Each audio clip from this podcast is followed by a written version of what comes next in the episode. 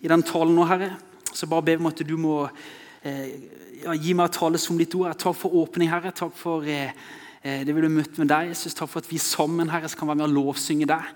Vi ber igjen om at du må velsigne pengene som kommer inn i kollekt. Du ser arbeid i Japan her. Du ser det mange mange, mange som ikke, som ikke har sett deg, Jesus, som sin frelser, Herre. Vi bare ber om at du må drive ut arbeidere til din høst der i Japan. Kjære far, det ber vi om, Jesus. Så ber vi om at du må gjøre stille i vårt indre her. Må du bare gi meg tale frimodig i, i ditt navn, og Jesus. Må du bare eh, må du være sterkt til stede nå, Jesus. Det ber vi om i ditt navn. Amen. Amen. Sant? Da er lørdagens tema Det er Åndens tempel. Det er siste av tre lørdager i løpet av, Vi har hatt annenhver lørdag nå over en seks ukers periode. Der vi har hatt først eh, hadde vi eh, Åndens gave, altså nådegavene med Magne. Veldig god, solid undervisning. Så hadde vi Åndens gjerninger for 14 dager siden med Jan Helge Aarseth. Og i dag så er det Åndens tempel, som, som vi skal stoppe litt opp for. Åndens tempel, som er 1. Korinterne 6,19 så står det et vers som er sitert flere ganger i løpet av i hvert fall de gangene jeg har talt her, men som sier litt igjen om det å være et, hvem som er kristen. Hva vil det si å være kristen? Det å ha fått Guds ånd.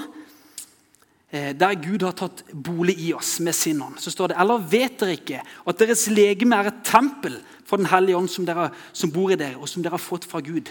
Dere tilhører ikke lenger dere selv.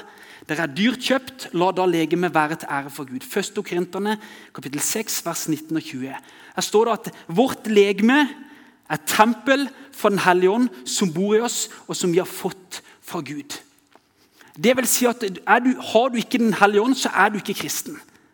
Så, så, så, så, tydelig er Bibelen. Hvis ikke du har Den hellige ånd, så er du heller ikke kristen. Det er et Guds barn. Romerne 8 Eh, kapittel, nei, kapittel 8, vers 9 og 14 stopper vi opp, også litt opp for sist gang jeg talte. Men Der leser vi, der står det Romerne 8. Eh, så står det Men dere er ikke i kjødet. Dere er i ånden. Så sant Guds ånd bor i dere. Men om noen ikke har Kristi ånd, da hører han ikke Kristus til. Vers 14. Så mange som drives av Guds ånd, de er Guds barn. Her vi som slår det igjen fast. Her står det at det både, her er både ånden nevnt, Guds ånd er nevnt, og Kristi ånd er nevnt. Den hellige ånd er vi et tempel for. Du og meg som har latt oss frelse. Du, som, du, og meg som har fått sett at Jesus er vår frelser. Som har tatt, tatt vår tilflukt og, og fått tatt del i dette her ved å tro det. Så er det blitt vårt så sier Gud at det, da blir Den hellige ånd, hans ånd, ta bolig i oss. Og Det blir en pant, et bevis på den arven vi har i vente når vi en dag skal komme hjem og møte, møte Gud. Men også i altså, pinsedagsteksten for Johannes 14 så står det også, for det er akkurat, Vi kan stoppe litt opp for det. For det her, nå, nå, nevnte vi det versene fra Romerne 8-9. så var det ånden nevnt, Guds ånd og Kristi ånd. Både altså Kristi ånd, Guds ånd, Den hellige ånd, Fader, Sønn, Hellig ånd. Hvem er, hva, hva, hvem er det som egentlig bor i oss? Så ser vi det at, eh, at eh, Gud med sin ånd så er det både Faderen, Sønnen og Den hellige ånd som bor i oss.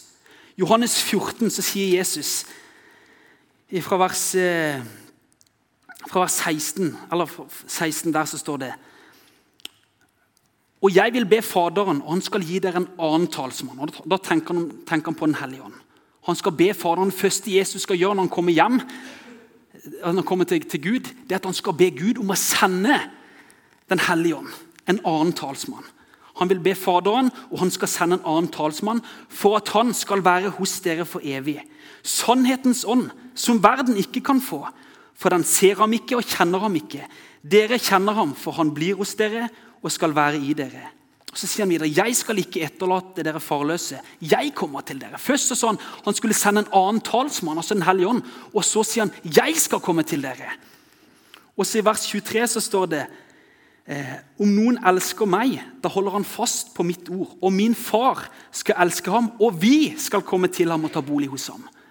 Kort fortalt, nå skal vi ikke stoppe veldig mye opp for akkurat dette her, men med at vi er tempel for Guds ånd så bor både altså, Jesus i oss, Faderen i oss og En hellig ånd i oss. Har tatt bolig i oss ut ifra de versene vi la oss der. Så der Gud er, der er Fader, Sønn, Hellig ånd og bor i oss. Vi er tempel for Gud. Men Guds ånd, Den hellige ånd, er igjen Det er seilet. I Efeson 1, 13 så står det at det er, han er innseilet vårt. Han er panten på vår arv. Så den hellige ånd det er nesten, nei, altså Åndens tempel, du kan nesten si åndens stempel. Han er stempelet. Vi er seila, beseila med Den hellige ånd, som er et bevis på at vi har en evighet i vente med Gud.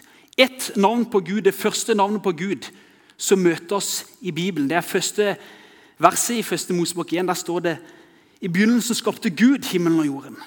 Og Det, det, det hebraiske ordet for, for, Gud der, det er Elohim. Og det er et, også det er et flertallsord.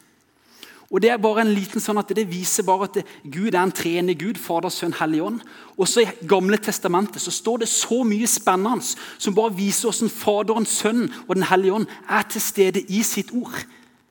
Også i frelseshistorien i, i, gjennom israelsfolket og i Det gamle testamentet. Ikke bare Det nye testamentet. Det er så spennende. Kanskje neste lørdag så får vi eh, med Magne Birkedal så blir det kanskje noe i forlengelsen av det jeg akkurat sa nå, forhåpentligvis. Så da må dere komme, komme og få med dere mer om den treenige Gud. Men i hvert fall igjen så er det vi har fått Den hellige ånd, Guds ånd, Kristi ånd, i oss. Du og meg som har latt oss frelse, så er vi et tempel. En bolig. Han har tatt bolig i oss, og han veileder oss med sin ånd. Vi hadde sist, eh, sist eh, for 14 dager siden, sist, var det, sist lørdag var det regionsårsmøte. Så det var det ikke møte her, men Lørdagen før der så hadde vi igjen Jan Helge, som hadde litt om åndens gjerninger. Som bor i oss, du og meg, som har latt oss blitt frelst. Som ikke bare har navn, at vi har en bekjennelse som vi skal se litt mer på, men vi som har tatt del i det ved at vi har møtt Jesus og sett at Jesus er vår frelser, og trodd det, så har vi blitt ikledd denne frelsen. Men så står det noe at åndens gjerninger.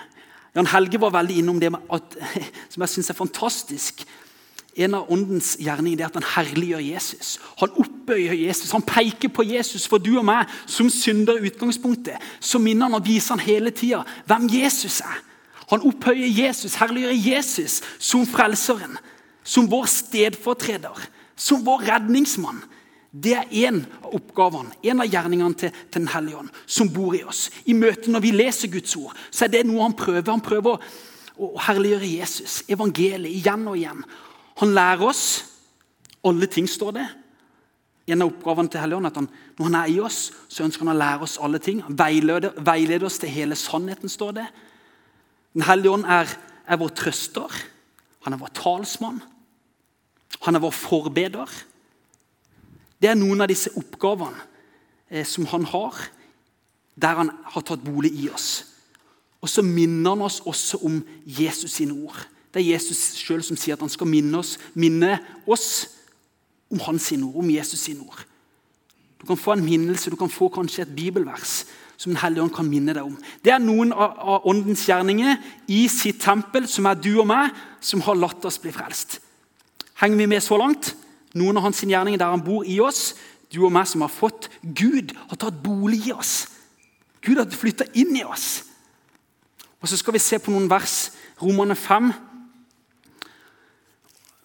vers 5 og 8.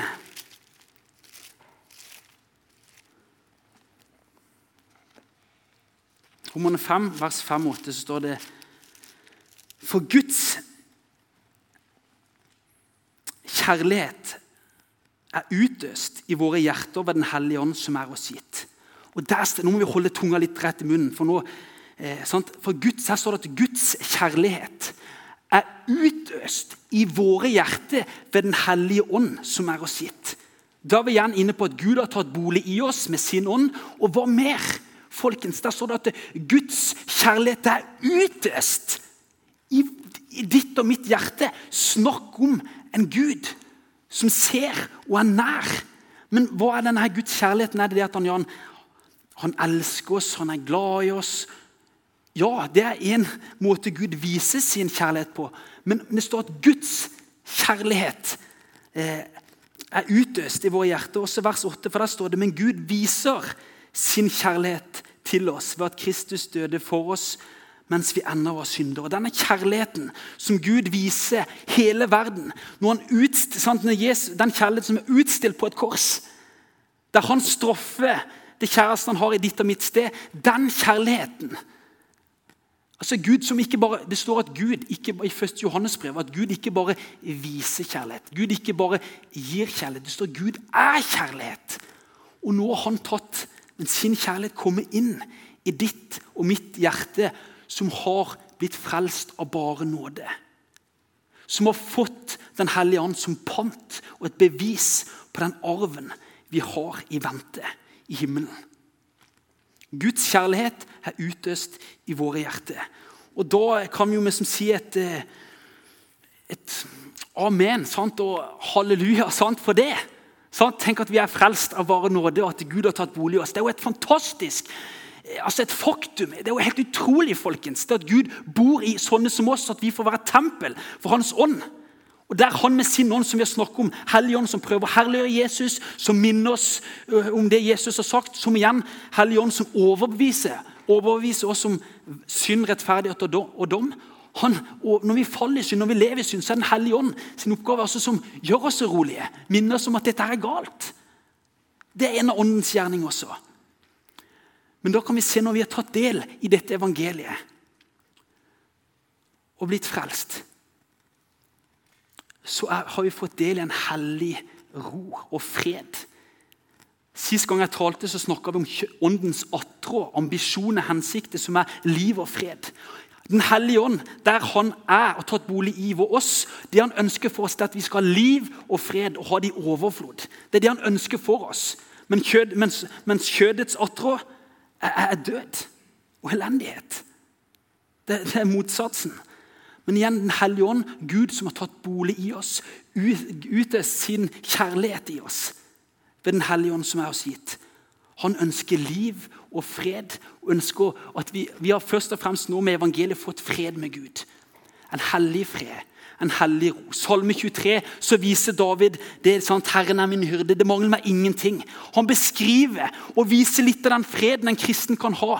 Kan, han leder meg til, til, La meg ligge i grønne enger, han leder meg til hvilens vann. Ja, Om en skulle vandre i dødsskyggens dal, så frykter jeg for ingen, ikke for noe. For han er med meg. Herren er min hyrde. Jeg har en fred og en ro som bare den kan få som har møtt Jesus. Men så snakker vi, så ser vi oss i Bibelen, vi skal se David her, at som kristen og det å være et åndens tempel og Den hellige ånd i oss, så skapes det også en ufred. En uro. En hellig uro, kan vi kalle det. Hæ? Skal vi ikke bare ha fred? Skal ikke alt bare være velstand? Ja, altså, det er ikke den freden vi snakker om der vi, der vi begynner så urolig. Ja, men Er det nok det som Jesus gjorde? Holder det Holder det for meg? Men Det er jo Satan. Det vet vi at det er en uro som er fra Satan. Torge, det, det, holder ikke. Torge, du er ikke god nok. Du er, Torge, du er dy, dy, dy. Det er en uro som er fra djevelen. Det er ikke den uroen vi snakker om. Vi snakker om en hellig uro en form for hellig uro det er den nøden som Den hellige ånd, sånn at Guds kjærlighet er utøst i våre hjerter ved Den hellige ånd som er gitt oss. Og Guds kjærlighet er jo for alle verden at han vil at alle mennesker skal bli frelst. Og I og med den kjærligheten som er utøst i våre hjerter, Den hellige ånd som er der, så kommer også en hellig uro, en hellig nød, for at enda flere mennesker skal få del i dette. Skal få høre evangeliet og bli frelst av bare nåde. En hellig uro. Skjønner dere? Henger litt med? Sant? Det skapes en hellig uro, hellig, en ufred. En, både en fred har vi, Salme 23, men igjen en ufred for at enda flere skal bli frelst. Men det er ikke den uroen, det er ikke den ufreden vi skal stoppe litt opp for nå. Nå skal vi snakke om igjennom en annen uro, som er en hellig uro. Som kommer i og med det livssamfunnet du og meg har fått med Jesus. Nå vi, sant? nå hadde vi Helene og Bjørnar her, sant? som er eh, lykkelig gift. Mann og kone. Og Det er klart at det er Bjørnar han vil jo ikke miste henne for noe som helst. At hun skal omkomme, hun skal eh, bli syk, skada, hva det måtte være. Som med Helene også. Det er klart, det der er det jo en, en, en, en nesten en frykt for, for om noe skulle oppstå. Fordi de har et, et, samfunn, de har et fellesskap. Og Hvis vi ser det, så er det litt det samme også i, vårt, i vår relasjon til Gud, som skapes gjennom den kjærligheten som Gud har elsket oss med. En frykt for å miste fellesskapet med Gud. Her, hva du sier Torgeir? David, salme 23, der bare maler han foran oss denne her, wow, hyrdesalmen. Det er så fantastisk. Gå og pugg han, lær han, be han. Men så ser vi salme 51. Så ser vi salme 51, Det er den samme karen som har eh, beskrevet i noen salmer tidligere, der salme 23, eh, sin ah, begeistring og den freden han har i og med Gud. Men i Salme 51, vers 12 og 13 så sier han dette her etter fallet med Batseba. Da synda for han har blitt stor. Så står det her Gud, skap i meg et rent hjerte og forny Det er vi som bønner, et sukkens bønn. Gud, skap i meg et rent hjerte og forny en stadig ånd inni meg. Så kommer det. Kast meg ikke bort fra ditt åsyn. Ta ikke din hellige ånd fra meg. Der var det den smerten, den nøden, det ropet. Altså, Kast meg ikke bort fra ditt åsyn, Gud. Jeg må være hos deg, Gud. Må ingenting, sant? Vi vet at det er ingenting som kan skille oss fra Gud når vi er hos Han. Men igjen, det er mye som vil prøve å dra oss vekk. Hvis vi faller for fristelse Det var vi innom sist gang jeg talte. Det med, det med synd og synders eh, natur og vesen, som er fiendskap mot Gud. Men igjen, det er for en som har kommet inn i den livsforbindelsen, livssamfunnet, med Gud som frelseren, Gud som far. Det er klart at det er det. Gud er vi ikke, vi ikke mister for noe som helst. Som er, som er, sånn der, vi både kan ha en ro for at han har, han elsker oss ufortjent. Men igjen en frykt for å miste. Vi vil jo ikke miste det beste vi har. Det kommer som en naturlig Sånn som en David her. Sant? Ta ikke bort Den hellige ånd fra meg. Og Igjen kommer det enda klarere fram kanskje i Salme 139, vers 23 og 24, som, som mange kanskje har eh, både bedt og lest, sant, så står det der. der igjen, det er den samme karen som Salme 51, altså David, og i Salme 23. I Salme 23 der det var bare ro, det var en hellig ro, det var en glede, begeistring. Men igjen, i hans sitt gudsliv, i møte med hverdagen og utfordringer, så var det igjen en wow, Gud, I møte med, med sitt sanne jeg så, så ber han denne bønnen. Ransak meg, Gud, og kjenn mitt hjerte. Prøv meg å kjenne mine mangfoldige tanker. Se om jeg er på fortapelsens vei, og led meg på evighetens vei. Ransak meg, Gud. Den bønna David ba. Ransak meg, Gud, og kjenn mitt hjerte. Prøv meg og kjenn mine mangfoldige tanker. Se om jeg er på fortapelsens vei, og led meg på evighetens vei. Det var en hellig uro der som man også kunne gå med til Gud. Gud, Hold meg fast til meg, Gud. Jeg vil ikke, jeg vil ikke forlate. Jeg vil alltid være hos deg, Gud. Jeg vil alltid være hos deg. Jeg vil alltid ha deg som far, Gud. Det blir noe naturlig som kommer pga. den kjærlighetsrelasjonen. Den livsforbindelsen vi har til Gud. Så blir det mer som en hellig uro som kommer ut ifra det.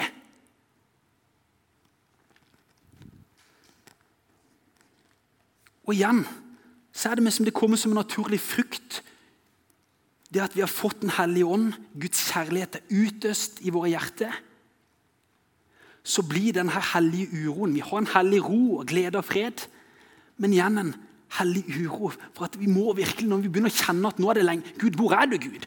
Vi hadde en, en, en, lørdag her i, i, vinter der det var sjelesorg i salmene. Gud, hvor var du skjult ditt åsyn, Gud? Hvor er du, Gud? Sånn, der, vi begynner å kjenne på en uro. Gud, Er det meg som har fjerna meg fra deg, eller er det du? For det er noe som ikke stemmer. Og da kan vi Gud, hva er det? Det skapes en, en uro i oss som er gudgitt, som vi skal takke for. Når det er så mye rundt oss som vil ha oss vekk. Og Da er spørsmålet, før vi går videre Vi snakker om en hellig ro. Hellig uro. Hellig glede, ro, fred. Når var sist gang du kjente på den begeistringa? Still deg sjøl det spørsmålet i forhold i møte med evangeliet. Når var sist gang du kjente på den gleden og den freden og den jubelen? Ja, jeg er frelst av bare nåde. Jesus har frelst min sjel. Å, fantastisk! Når var sist gang du kjente på den roen og freden og gleden i ditt hjerte? Eller når var sist gang du kjente deg urolig? Jeg er frelst. Åssen går det med meg? Jeg har gjort så mye sånt, sånne ting. Den hellige ånd også på ei sving overbeviser om synd, rettferdighet og dom. For at ikke vi skal gå helt, helt akterutseilt. Når var sist gang du kjente på den uroen? Har du noen gang kjent på han? Når var sist gang du ba Gud? Ransak meg, Gud. Kjenn mitt hjerte. Prøv med å kjenne mine mangfoldige tanker. Se om jeg er på fortapelsens vei, og led meg du inn på evighetens vei. Åndens tempel. Gud bor i oss med sin ånd. Panten på vår arv. Men så skal vi se litt. Nå skal vi i siste halvdel nå. Så skal vi prøve å illustrere det og prøve virkelig stoppe litt opp for det. For Bibelen og Jesus framfor noen er veldig, veldig nøye. Og sier det flere ganger. At det er mange som tror de er et tempel for Guds ånd, som ikke er det. Ja, de har en bekjennelse, men de har ikke Den hellige ånd. Som igjen da viser seg til fulle på, på den siste dagen. Så stopper han flere ganger åndens tempel. Og vi kan kalle det andre for verdens åndstempel. Altså Denne verdens ånd bor jo der ikke Den hellige ånd bor. Og nå snakker vi ikke folkens, nå skal vi ta noen eksempler som kan kanskje være litt sånn Wow, Torje, hva er dette her? Men nå snakker vi ikke, når vi nå går videre, så snakker vi ikke om alle de som ikke tror. Og de som lever et liv i ugudelighet og faktisk sant, er helt der. Nei, jeg er, ikke, jeg er ikke en kristen, jeg vil aldri tro på dette her. Nå snakker vi om de som går på lørdagsmøte. Mange som, som, som går eh, i menighet som tror at de er kristne. De har navn at de er kristne, i hvert fall. Det er disse vi snakker om nå. De som på den dagen, den siste dagen skal si til Jesus ja, Jesus, hallo. Skal ikke jeg få komme med Jesus? Jeg som har gjort det og det og det og det, og det. Skal ikke jeg få bli med inn i himmelriket? Så får de et Kommer de til ei stengt dør. Hva er det nå vi stopper opp for i forhold til det med åndens tempel, som er dagens tema? En kristen, et Guds barn, en frelst synder er et åndens tempel. Men så kan du være en krist, så kan du, kan du være en som tror du er kristen, og ikke er det. For du tror kanskje du bare gjør de rette tingene. Men du har ikke fått et frelsende møte med Jesus som din frelser. Da er du fortsatt ikke et åndens tempel. Men vi bruker uttrykket fra 1. Korinterne 2. Verdens ånd. Du er, du, er, altså, du er, et tempel for verdens ånd. Vi kan ta, bare prøve Nå skal ha opp altså Andreas? Skal du komme opp? Nei, ikke Andreas, men Ole. Ja.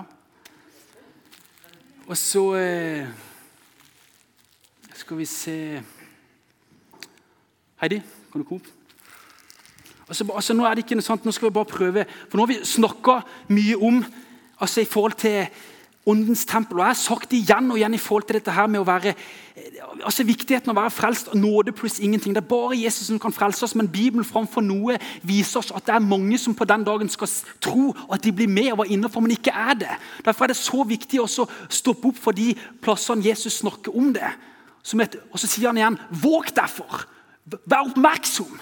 Våg, folkens, så ikke dere skal havne i den, i den situasjonen. Heidi, hvis du tar den.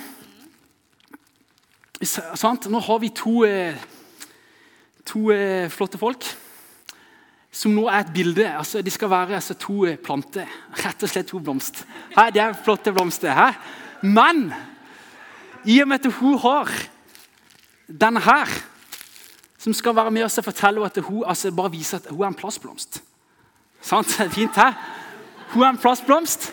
Ole er en ekte blomst. Hæ? Det er solide greier. Så ser vi det at det, altså de to som, som, blomst I dag så kan du få plastblomst og vanlige blomster til å se veldig veldig like ut. Du må, liksom, her, du må nesten ta i dem. sant? Er det, er det ekte eller er det falsk? Det ligner så utrolig. Men hva er forskjellen på en falsk blomst og en ekte blomst i møte med f.eks. vann? Altså Det som blomsten skal ha for, for, å drikke og vokse. Hvis du vanner den blomsten her, så vil han jo ta det til seg. Men den plastblomsten, uansett hvor like de er, så den, den vil bare prelle av. Hva, hva, med kulde? Hvis du setter det ute i ti minus, hva skjer da? Den ene vil dø. Den ene vil bare være der. Setter du i vinduskarmen på en dag som denne, kjempevarmt, sollyset Hva gjør den ene blir, blir vissen? For det, det, det er liv. Det, det, det, som Den ytre påvirkninga gjør noe med han. Den andre, den som er død i seg sjøl, står der like, like, likedans. Sammen med mørket, med kulde osv. Det vil ha forskjellig påvirkning på en, en som er levende, og en som ikke er det.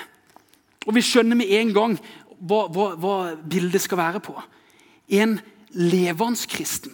Et Guds, en som er et åndens tempel og en som har navn og har leve, men er død. Åpenbaringsboka kapittel 3 vers 1 så står det et, et sendebrev til menigheten i Sardes. Du har navn av at du lever, men du er død. Ha det i munnen. Og det ser ut, altså for, for, folk i dag Det er vanskelig å se det. sant her, altså Folk i dag det kan være om det er en plastblomst og en vanlig blomst. Men for vår del, om det er mennesket som er kristen, som er frelst, eller som ikke er frelst, så kan for det blotte øyet være så vanskelig å se forskjellen. Men ut ifra Bibelen så er den ene bare den som har fått Guds ånd. Det er bare den som lever. Den andre er død. Og Da kan vi si det på samme måte som, som plantene, plast, ekte blomst, men som reagerte ulikt på påvirkning. Så sier Guds ord at det samme gjør en frelst og en som ikke er frelst. På Guds ord, og hør nå. I 1. Korinterne kapittel 2 så står det For vers 2 og vers 12 så står det Men vi har ikke fått verdens ånd, men den ånd som er fra Gud, for at vi skal kjenne det som Gud i sin nåde har gitt oss. Igjen, Han har tatt bolig i oss for at vi skal kjenne det som Gud i sin nåde har gitt oss. Og At vi skal lære mer, få mer kunnskap, vokse i nåde og kjennskap. Og bli mer, altså få mer hva skal vi si, en begeistring for Gud og blir enda mer kanskje redd for å miste ham. Wow, jeg må ikke miste ham for noe som helst. For Gud har frelst meg. Gud er min far. Derfor har Gud også flytta i oss. Og dette, også, sant, dette er evangeliet, og dette forkynner vi. Ikke med ord som menneskelig visdom har lært oss, men med ord vi har lært av Ånden. Vi tolker åndelige ting med åndelige ord. Men et sjelelig menneske som bare altså er død i sin tro, som ikke har Den hellige ånd, men et sjelemenneske hør nå, tar ikke imot det, som eh, imot det som hører Guds ånd til. For det er en dårskap for ham, og han kan ikke kjenne det. Det kan bare bedømmes på åndelig vis. Det er igjen samme greia i forhold til Guds ord. Når Guds ord som er sant, Der ordet blir forkynt, ordet som er Jesus, der er ånden. Der er det, vet du. Der Den hellige ånden prøver igjen overbevise oss, oppmuntre, herliggjøre Jesus gjennom evangeliet. For en som er frelst, så, så, skjer det noe med den høreren. Gjennom han kan sånn, ulike han reagerer på den ordets, eh, bare, bare en ordets hører og ikke gjører. Vi er kalt til å være begge deler. Men i hvert fall så er det en som er frelst, som kun reagerer. Og Guds, får, Guds ord får gjøre noe med ham, på samme måte som blomsten i forhold til vann, i forhold til kulde. Henger dere med så langt? Men en som ikke er frelst, som ikke har Guds ånd på innsida, der kommer Guds ord. Du kan sitte på møte etter møte. Det preller rett av.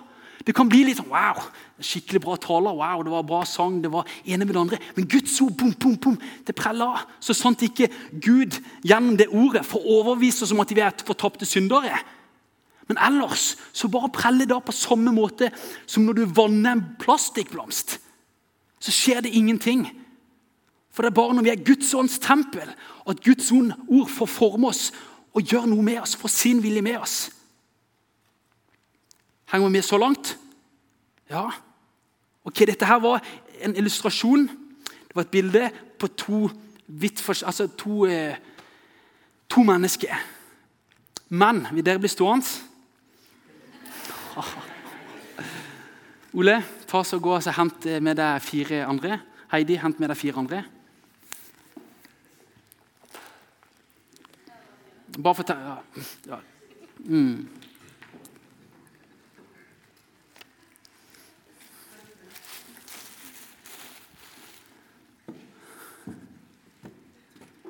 Skal vi se, Da var det to der, ja. Var det to til? Ja, se her kommer Ok. Her har vi to, fire, seks, åtte En, til. En eller ei til. Du skal ha fire. Du har tatt tre. Det var vanskelig! Tommy, så flott. Så bra. Men nå folkens, nå må vi holde tunga litt beint i munnen. For nå skal vi prøve å gjøre det enda mer konkret dette her, i møte med en tekst eh, som Bibelen eh, forteller om. Jeg skal først ta bare lese teksten der kan stå her. Det er fra eh, Matteus 25 om ti mennesker, ti jomfruer, som skulle møte brudgommen. Og hør nå, dette her gjelder der, det gjelder meg. Nå skal vi prøve litt, å illustrere at det blir litt sånn wow. Da skal himmelens rike være å ligne med ti jomfruer som tok lampene sine og gikk ut for å møte brudgommen. Men fem av dem var uforstandige og fem kloke. De uforstandige tok lampene sine, men de tok ikke olje med seg. Men de kloke hadde også tatt med seg olje i kannene med lampene sine. Da det dro ut før brudgommen kom, slumret de alle inn og sov. Men midt på natten lød et rop. Se, brudgommen kommer, gå ham i møte. Da våknet alle jomfruene og gjorde lampene sine i stand. Men de uforstandige sa til de kloke, gi oss av deres olje, for lampene våre slukner. Men de kloke svarte, nei, det vil ikke bli nok både for oss og til dere. Gå heller til dem som selger, og kjøp til dere selv. Mens de var borte for å kjøpe, kom brudgommen. Og de som var redi, gikk inn med ham til bryllupsfesten, og døren ble stengt. Til sist kom da også de andre jomfruene, og de sa, 'Herre, Herre, lukk opp for oss.' Men han svarte og sa, 'Sannelig sier jeg dere, jeg kjenner dere ikke.' Våg derfor, for dere kjenner ikke dagen eller timen. Folkens, da tar alle Lukke øynene. Det er viktig at alle må lukke øynene. ok? Så jeg sier fra når dere kan se. Maurits, lukk øynene. Og jeg ser. Spesielt deg, Maurits. Du tar den.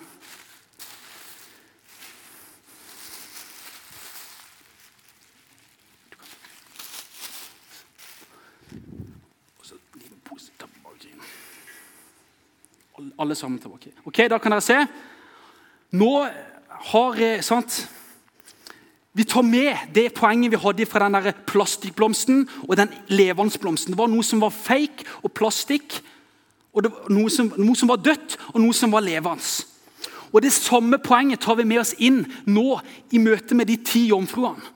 De ti personene som er et bilde igjen på, på, på ti mennesker. Og her ser vi altså det, det skal få fram nå, det er altså her er det fem som var kloke, og fem som var uforstandige. Fem kloke, fem uforstandige. Vi forstår ut av lignelsen at det, her er det fem som er frelst, og fem som er ufrelst. Men la oss se nå på disse her folka her. Det kan være en, altså Her er det snakk om at halvparten er frelst, og halvparten er ikke frelst. For Det er det, det, det, poenget i denne talen er, sant? eller i denne lignelsen. 50-50. Ikke det at det er halvparten som blir frelst til slutt, og halvparten ikke. Men ut ifra det reisefølget her, så var det halvparten som var kloke. De hadde både ei eh, lampe og olje. Og det var noen bare som hadde lampe, men ikke olje. Men når vi ser på disse folka her, så ser de Hvem kan se, tippe hvem som er eh, hvem, som er hvem, hvem er klok, hvem er uforstandig? De ser ganske likt ut. Ja, Kan vi kanskje Ja, Vi vet at i mange plasser, i mange menigheter da rundt forbi i Norges land, så er det mange som ja, de, ikke, de står ikke så greit til med det. sant? At de, ikke, de gjør sånn og sånn. De er, kan ikke være frelst, de. Det er mange ufrelste. Eh, skal, vi, nei, skal, vi, ta noen andre menigheter i Stavanger? Nei, skal vi gå til Hillsong? Eller kanskje gå til IMI? Der er det litt av hvert. sant? Nei, vi gjør ikke det, vet du. Nå er vi her, i Salem, blant oss. Disse er noen av oss. Og så er det bare de som har olje til lampa ut ifra her, som er klar når brudgommen kommer. I Romane 10, dere blir bare stående litt, Romane 10, vers 9 og 10, så står det For dersom du med din munn bekjenner at Jesus er Herre, og ditt hjerte tror at Gud oppreiste ham fra de døde, da skal du bli frelst. For med hjertet tror en til rettferdighet, og med munnen bekjenner han til frelse. Her er det snakk om å både bekjenne, det er snakk om å tro, det er snakk om å ha Den hellige ånd. Og Ut ifra den lignelsen her nå, så lar vi lampene være et bilde på bekjennelsen. Mens oljen er et bilde på Den hellige ånd. Skal ikke utbrodere det, men, la det være. Bekjennelsen. Og her var det ti. Alle ti hadde lampe. Alle, alle, alle ti mente, altså trodde venta brudgommen. Og ti hadde en bekjennelse. Det ser vi bare på slutten. Herre, Herre, til de som ikke var reiseklare. Herre, Herre, har vi ikke I en menighet som vår og rundt forbi så blir ikke folk frelst av bare at de har en bekjennelse. Og Her kunne det vært folk som går på de samme møtene, de samme bibelgruppene. Sange, samme lovsangene synges. Men Bibelen sier i Matteus 7, vers 21-23, så står det og Dette er alvorlig, og Jesus sier det igjen og igjen flere plasser. så sier han, Ikke enhver som sier til meg, 'Herre, Herre', skal komme inn i himmelens rike, men den som gjør min fars vilje. Mange skal si til meg på den dagen Herre, Herre, har vi ikke profetert i ditt navn? Drevet ut onde ånder av ditt navn og gjort mange kraftige gjerninger av ditt navn? Men da skal jeg åpent se til dem. Jeg har aldri kjent dere. Vik bort fra meg, dere som gjorde urett. Det sier Jesus. De hadde så mye å vise til. De hadde sin bekjennelse. Ut ifra lignelsen her så hadde de, alle hadde jo ei lampe. Alle var med som på vei. De trodde de var på vei og skulle møte brudgommen. De hadde en bekjennelse. Mange i dag har en bekjennelse, men de er ikke et åndens tempel. Åpenbaringsboka 3.1. Du har navn av at du lever, men du er død.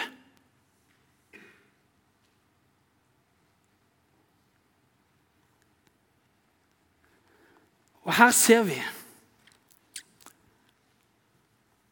at alle sovna, sto det. Alle sovna før, rett før brudgommen kommer. Hva var det vi sang i sangen her? Se han kom eller, er det ikke, det var sangen Jeg skulle huske en strofe. for det var om brudgommen. Vi, altså brudgommen. Siste sang vi hadde før. 'Salig visshet, Jesamin'.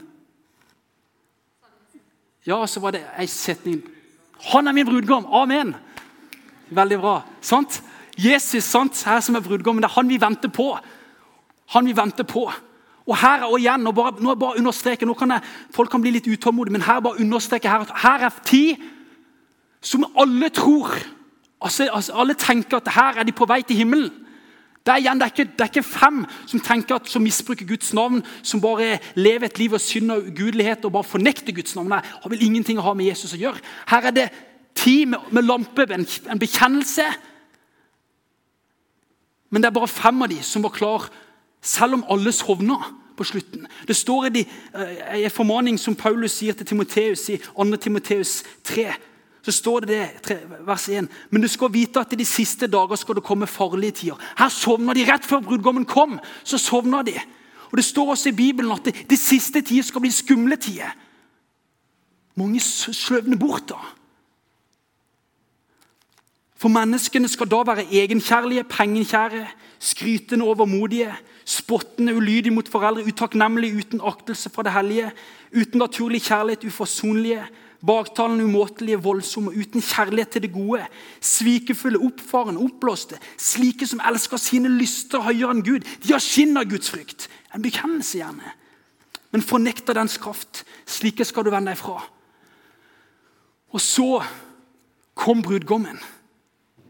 De venter nå i her at brudgommen kom. De, og Noen skulle av gårde og finne olje. Altså, lampene hadde slukna. Gi oss av deres olje. Nei. Det, ikke, det er bare olje til den ene. Den hellige ånd tar personlig eh, bolig hver enkelt av oss. Det er ikke noe vi skal dele på. Og Der skulle de gå av gårde og prøve et desperat for oss å kjøpe seg olje. For oss vet vi heldigvis at det å bli frelst og få Guds ånd kan gjøres sånn. Når vi virkelig blir overbevist med Guds ånd. Men da kan de som er plastikk, de kan gå og trekke der, til den sida. Og de andre kan trekke bort, det, bort her. Så kom brudgommen. Og her har vi flere fått plastikk. Det var fake. På samme måte som den levende planten og den plastplanten. Det, og de, som, og de hadde en bekjennelse. Mange har. Matteus 7,21. 'Herre, Herre, har vi ikke?' Så begynte lista. Matteus 25, som vi las. 'Herre, Herre, slipp oss inn.' De som var klare, de som hadde blitt frelst av nåde pluss ingenting, hva kom de til? folkens? De kom til å åpne dør. De fikk komme, Ikke fordi de hadde fortjent men fordi de hadde tatt imot gaven, som er syndenes forlatelse og evig liv. Så var de reiseklar. Da hadde de fått Den hellige ånd som panten. De hadde både olje og lampe, bekjennelse og troa med Den hellige ånd. Og de var klare den dagen. Mens det var noen som ble stående utenfor og ikke kom inn. Vær så god, nå kan jeg sitte Takk skal dere ha.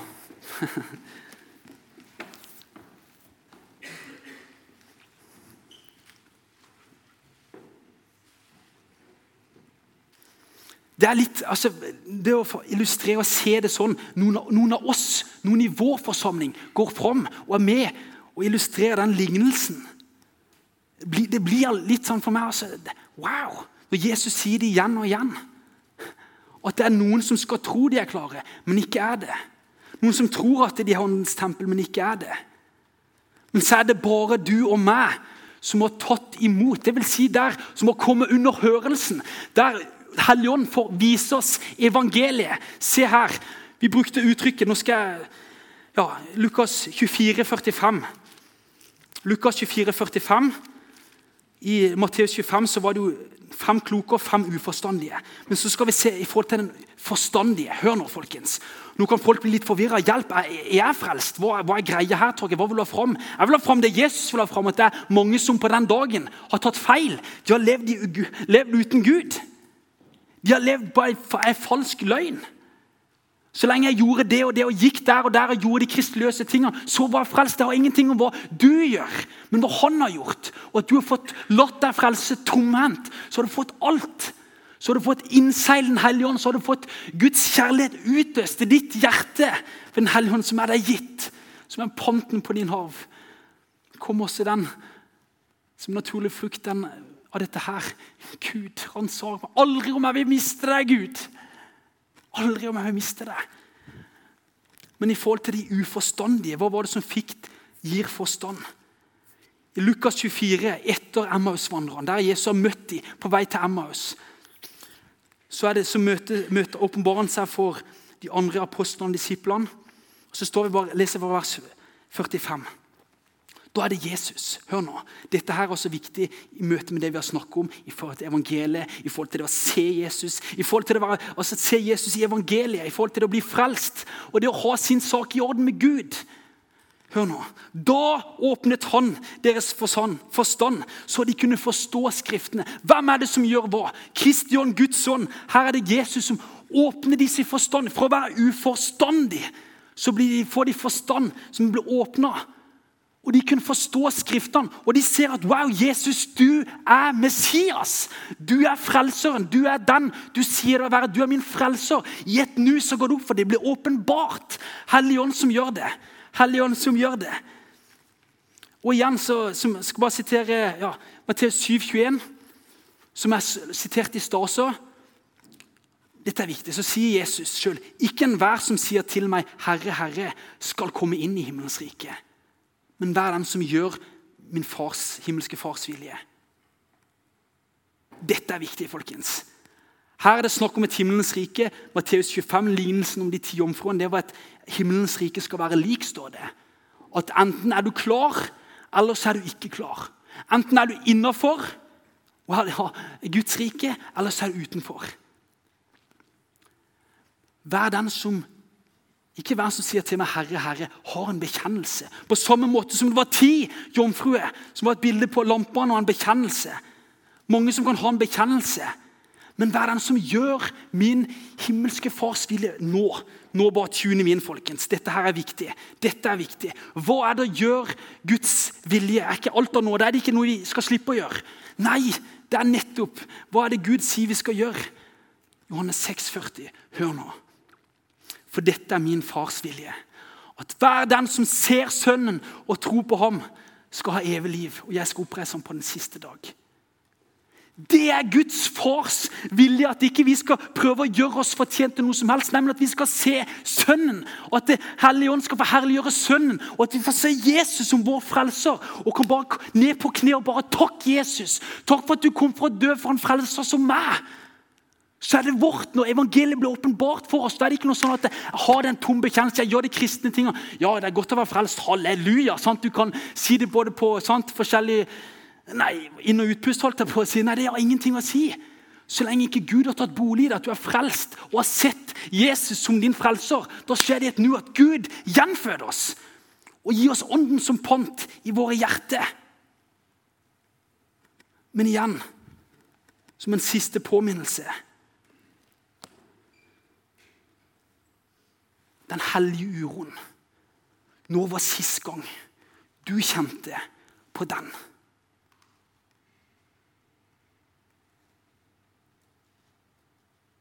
Ransak meg, Gud, og kjenn mitt hjerte.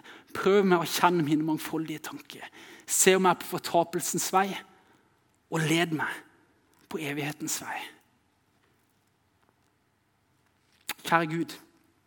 Må du bare være med nå, Herre. Vi bare er og priser og takker deg for at du, at du er den som gjør alt sammen her. At du har tatt bolig i oss. Elohim, Herre. Du har tatt bolig i oss, og vi får være et tempel for deg. Men det er så sant vi har sett at du er den du er, Jesus. Og vi har latt oss blitt frelst. For det er en tankevekker, det du nå har vist oss denne kvelden. Herre. At det er mange som, som, på den dagen også skal si De hadde en bekjennelse, men de hadde ikke ei tro. De hadde ikke Den hellige ånd. Herre far, må du bare gå imellom oss nå, her, gjennom bank, benkeradene her. Og så må du bare med din ånd må du bare virke i oss nå, Herre. Må du bare virke i oss, Herre. Må ikke noen av de, de, som, de som sitter her nå, Herre, må det ikke være noen av oss som blir sittende igjen, blir igjen den dagen du kommer. Når brudgommen kommer. Men at vi kan bare være på kne og bare vente den dagen du kommer, Jesus. Så vi venter på deg. Ønsker deg velkommen, Herre. Jesus, må du bare være med ettermøtet nå, Herre. Vi bare ære og priser deg. Takk for at vi nå etterpå kan få lov å feire nattverden. Jesus Kristus, vi ber. I Jesu navn. Amen.